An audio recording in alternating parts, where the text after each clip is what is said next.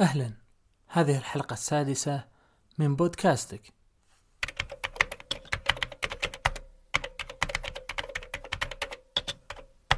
في حلقة هذا اليوم سأسلط الضوء على الكاميرات وعن أهميتها في حياتنا وعن تفاصيل أخرى لتقييم الكاميرات وجودتها وأيضا تواجدها في الهواتف الذكية. فهناك أربع محاور رئيسية سنتكلم عنها اليوم. الأول أين تتواجد؟ الثاني أنواعها. الثالث ما هي معايير تقييمنا لأي كاميرا الرابع والأخير الكاميرات وهواتف اليوم.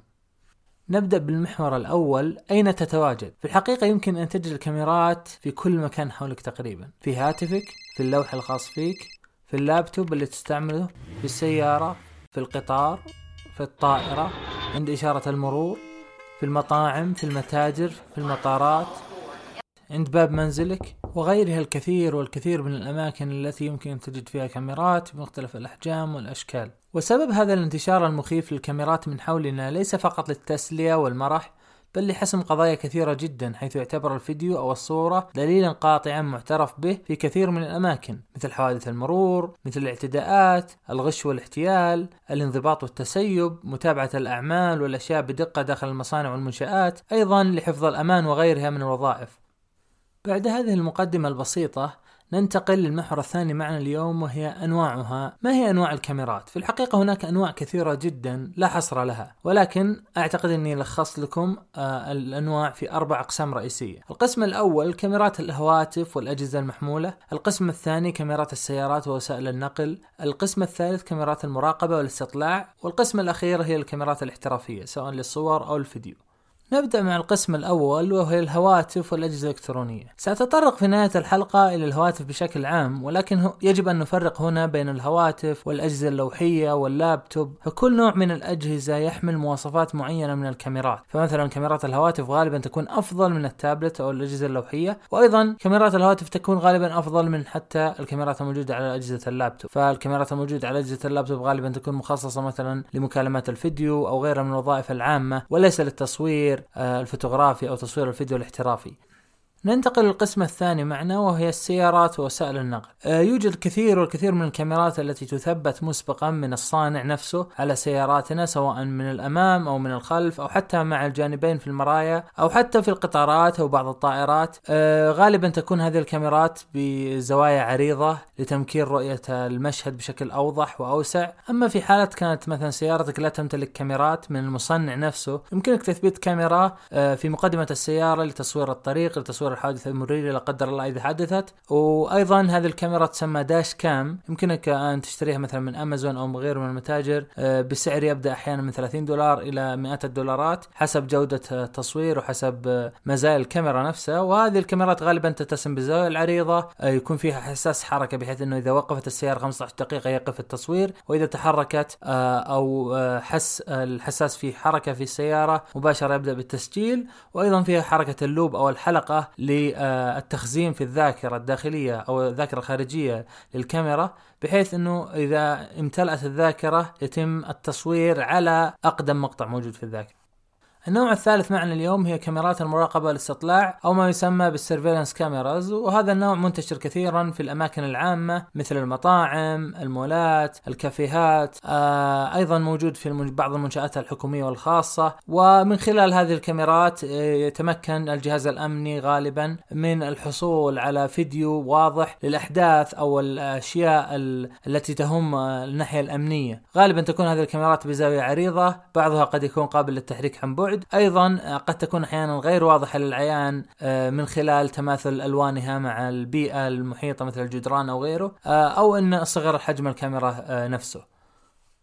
القسم الرابع والأخير من أنواع الكاميرات معنا هو الكاميرات الاحترافية أو ما يسمى بال DSLR digital single lens reflex هذا اختصار DSLR تنقسم إلى قسمين رئيسيين اللي هي crop frame أو الإطار المقصوص وال full frame أو الإطار الكامل. ما الفرق بين الكاميرات ذات ال full frame والكاميرات ذات ال crop sensor؟ وما هو السبب الذي يجعل كاميرات ال full frame دائما غالية الثمن حيث لا تجد كاميرا full frame بأقل من 5000 تقريبا؟ بينما يمكنك أن تجد كاميرا crop sensor ب 1000 أو 2000 ريال بسهولة. عندما نتحدث عن ال full frame أو ال crop sensor هنا نعني حجم الحساس. فحجم الحساس في كاميرات ال full frame ثابت بطول 24 ملم وعرض 26 ملم بينما في كاميرات ال crop sensor دائما ما يكون الطول 16 ملم والعرض 24 ملم وهذا في الحقيقة ما يعطي أفضلية لكاميرات ال full frame على ال crop sensor لأنها طولا وعرضا أكبر بمرة ونصف من حساس كاميرات ال crop sensor. مثال على ذلك لو أخذت كاميرا crop وكاميرا full frame ووضعت نفس العدسة على كلا الكاميرتين ستجد أن كاميرا ال crop sensor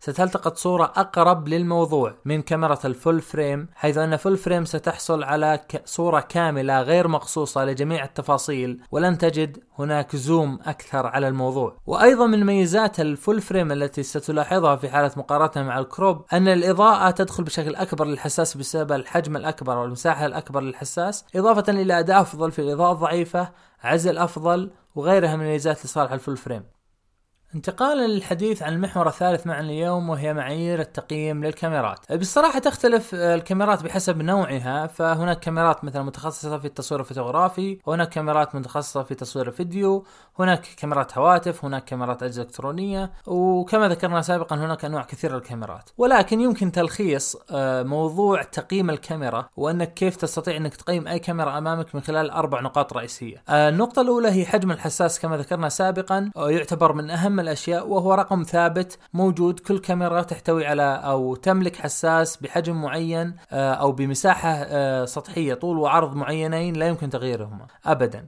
أما المحور الثاني أو النقطة الثانية هو رقم الميجا بكسل وهو عدد البكسلات داخل الحساس. آه، الأمر الثالث فتحة العدسة أو رقم ال F كما تشاهدون غالبا في مواصفات الكاميرات والهواتف تجدون رقم F بجانب رقم 1.5 1.7 1.9 2.2 وغيره من الأرقام. آه هذا أمر مهم أيضا. آه الشيء الرابع والأخير هو ال software والبرمجيات الخاصة خاصة في الهواتف أو حتى الكاميرات الاحترافية مثل كانون نيكون سوني كل كاميرا آه لها توليد ألوان أو profile مختلف لتوليد الألوان يميزها عن الآخر. فلذلك هناك شيء اسمه صور raw أو صور خام. يمكن تصويرها حتى في بعض الهواتف. من خلالها تحصل على صورة بدون الصبغة اللونية لشركة معينة بحيث إنك حتى تقدر إنك تعدل عليها بشكل أكبر وتعطيك آه، قدرات أفضل في تعديل على الصور من ناحية الألوان.